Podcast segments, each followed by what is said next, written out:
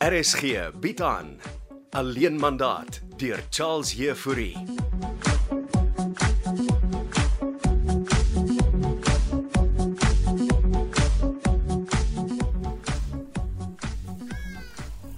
Kan ek vir jou 'n bietjie champagne skink? Oh, nee, dankie. Ek wil vir 'n jaar nie alkohol sien nie. Wel, ek gaan 'n bietjie champagne drink.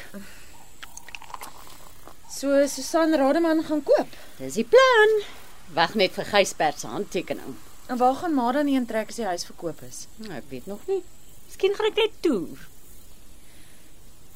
Ehm um, maar daar's ehm um, daar's iets waaroor ek maar wil vra. Ek luister my kind. Alet het gekom met 'n ander storie oor die begrafplaas daar onder in die tuin waar maar die katjie begrawe het. O, oh, dit. Dan sê jy seker vertel. Pa het my ook vertel. Daar's nie 'n kat daar begrawe nie. Ek weet maar. Maria Jenay sou my sussie wees. Ja, sy sou. Hoekom het ma ons nooit vertel nie? Dis gekompliseerd, Esther. Maar pa sê ek moet ma vra. Dis lank terug, Esther. Wat wil jy weet? Hoekom het ma gesê dis 'n katjie wat daar begrawe is? Want die baba was nie jou pa se nie. Wie was dan die pa? Dit was 'n affair. Met wie? Dis 'n lang storie. En dis die verlede.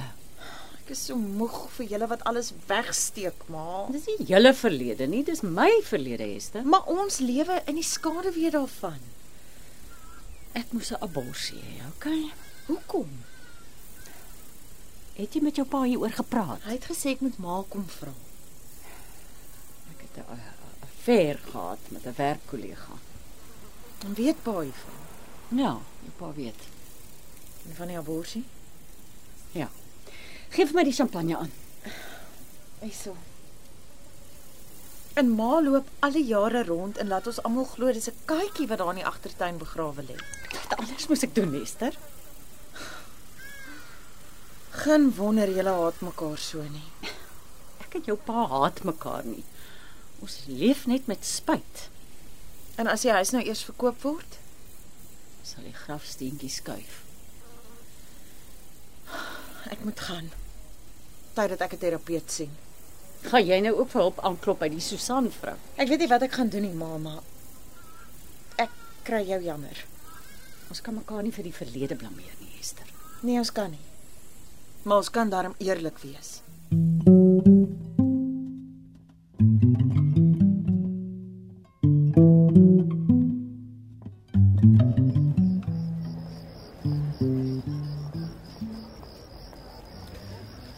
Lyk asof die parkie nooit slaap kry nie. Mense kom vry hier vroeg aand. Hier kom Fred. Met wie? Jy nie nooi nie. Met jy? een? Ek het jou eers gevra. Nee, ek het nie tyd vir manewales nie. Ek ookie. Vroumense kompliseer die lewe. Dis mos hoe liewe dames gemaak is. En Hm, Ek sit juis met nuwe vroue problems. Uh, laat ek raai. Lente Cupido? Sy wil geld hê. Vir wat? Trourok blomme en goeders Wanneer is die troue? vir 2 weke. Hoor jy dit? Wat hoor jy? Was dit weer? Uh, is dit 'n Hadida? Nee, vir my klink dit uh, soos 'n eil. Ja, jy's reg. Dit is 'n uil. En Miskien is dit 'n teken Van wat? dat ons 'n paai moet skei. Hey, Eh, wat so goed praat jy dan nou, Didi? Lente het lank met my gesels, Kokko. Ja, maar jy weet mos hoe sy aan mekaar geskroef is. Dit gaan nie eintlik oor haar nie, my broer. Nou wat krap vir jou? Dis my oupa word. So, wat sê jy nou eintlik vir my? Ek gaan nie kan help met die ontvoer van die professor nie. Maar ek dog jy sê jy het geld nodig. Jy wil aftree, Didi? Ja, maar wat as die ding skeefloop en ons word gevang? Daar roep die uil alweer. Ek sê jou, dis 'n teken. Waar was ons? I mean besides, die hele wêreld weet ons gaan die prof ontvoer. Maar dis mos hoe ons dit wil hê. Ons moet onnosel wees. Ek dink meer die plan van jou het 'n hele paar skroewe los. Jy hoef dit nie saam met my te doen nie. En wie gaan jou help, Kokko? Maar jy het nog vir Tally, Van Arendsvlei. Samester. Oh, ja, maar dan is jy mos uitgesoek. Tally is maar bietjie stadig. En wanneer wil die prof nou ontvoer word? Hy gaan my vanaand bel. Ek kan nie meer praat. I mean, Hm, ek het Bianca en my kleinkind David wat op pad is om aan te dink. En die troue. Hoeveel geld het jy nodig vir die rok en blomme? amper 15000 rand. En daar gaan ander kostes ook wees. I mean, die troue word nou sommer ook by die Jooste mense se fancy huis gehou. Ek neem aan jy is dan ook genooi. Moet 'n speech maak ook. Ek kan jou 20000 voorskiet, bra. Ek wil nie sulke geld by jou leen nie, my bra. Nonsens. Ons het mekaar nog altyd gehelp, Didi. Goed, Ek sal jou terugbetaal as my hostengelde inkom. Jy moet die 20000 vat as 'n geskenk. En wat van die die, die prof se ontvoering? Ek en Tally sal hom sort. So, dan verstaan jy. Ek mag dinge vergeet, maar ek verstaan dinge. Nou, waar hoe stil is dit nou in die parkie? Almal is huis toe. Net die uil wat roep. Ons sal moet huis skree. Watter huis? Jou pershuis, my bra. Ja ja ja, ek woon in 'n pershuis. En hulle gaan die parkie binnekort sluit. Voel vir my ek sit my lewe lank hier. En Nou, miskien doen ons my bra. En nou sal ons huis toe gaan. Ons kan nog wel kies dit. Ek is seker nie genooi vir die troue nie. Nee, Gogo. Jy is ongelukkig nie genooi. Ek kan myself altyd vermom as een van die gaste. Oh, miskien moet jy net jou snorretjie teruggroei.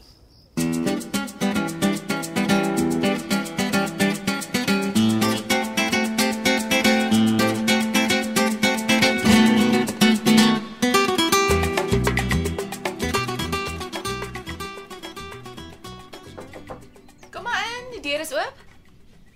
Ah, Môre, Susan. Hi. Kom sit jy op die bank, Esther? Dankie. En ook dat jy my op sulke kort kennisgewing kan sien. Ek weet mos wie jy is en Alet is jou vriendin. Hm, ek is jy's hier oor Alet en oor my ma. Was jy al van tevore in terapie?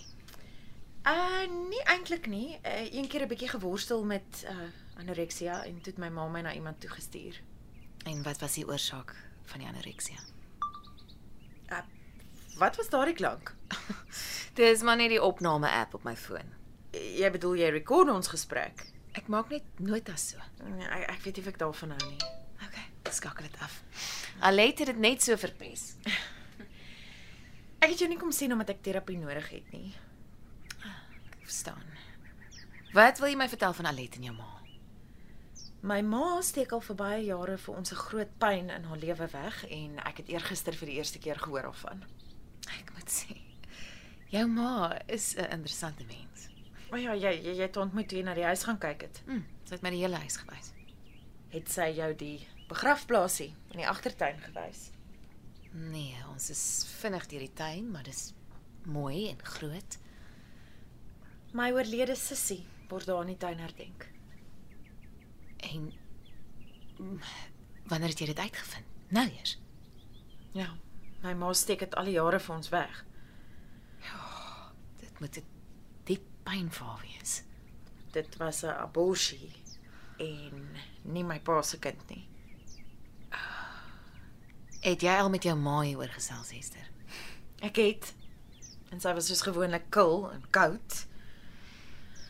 Ek is jammer om dit te hoor. Wel, ten minste verstaan ek nou hoekom my ma en pa al die jare op 'n oorlogspad met mekaar is. Jy en Janko het dieselfde probleme. Ek gaan nie weer weghardloop nie. Mm -mm. Al is 'n goeie begin. Dan ehm um, Dan is daar nog iets. Ek luister. Ek dink ek dink ek is verlief op Alet. Regtig? En weet sy dit? Ek, ek is te skaam. Sê dit net vir haar. So beteken dit dan ek is Jy sal dit net uitvind as jy daai deur oopmaak. Okay. Dankie dat jy my gesien het Susan. Ek ehm ek waardeer dit baie. Dis 'n groot plesier. Ek gaan een van die dae terug Karoo toe, maar as jy wil gesels, bel my gerus. Ek sal so maak. Dankie Susan.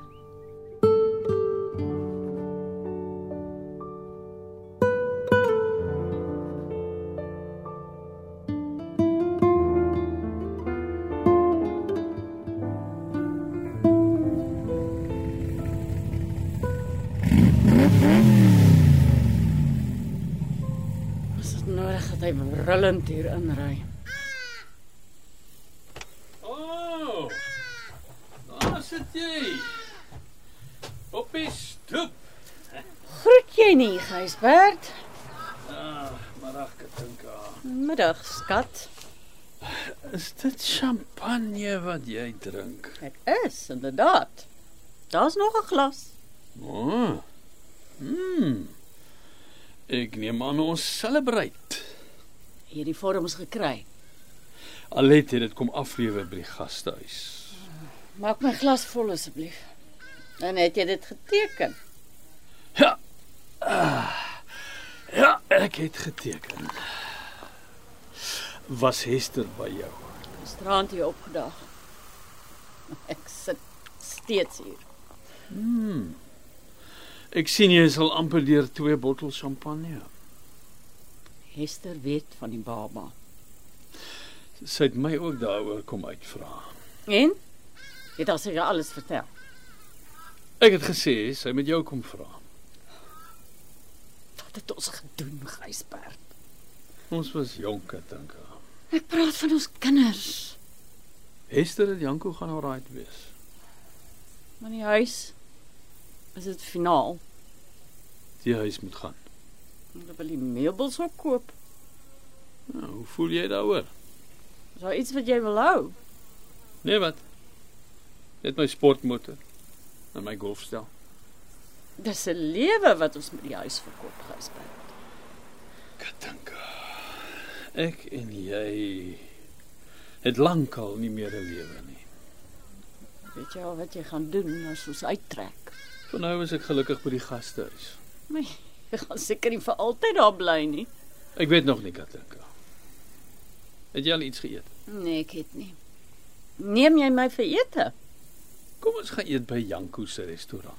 Dan dink jy ons is welkom daar. Hy is ons seun.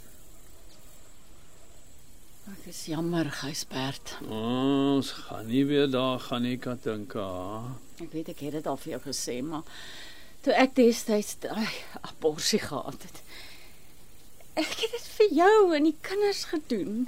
Ons het gedoen wat ons moes om ons gesin te red. In die proses almal seer gemaak. Onsself die meeste, my vrou. Nou is dit te laat. Nooit te laat om om vergifnis te vra nie. En as iemand moet sê hy is jammer, dan is dit ek. Tjeur. Jy is vergewe, Gysbert Joost.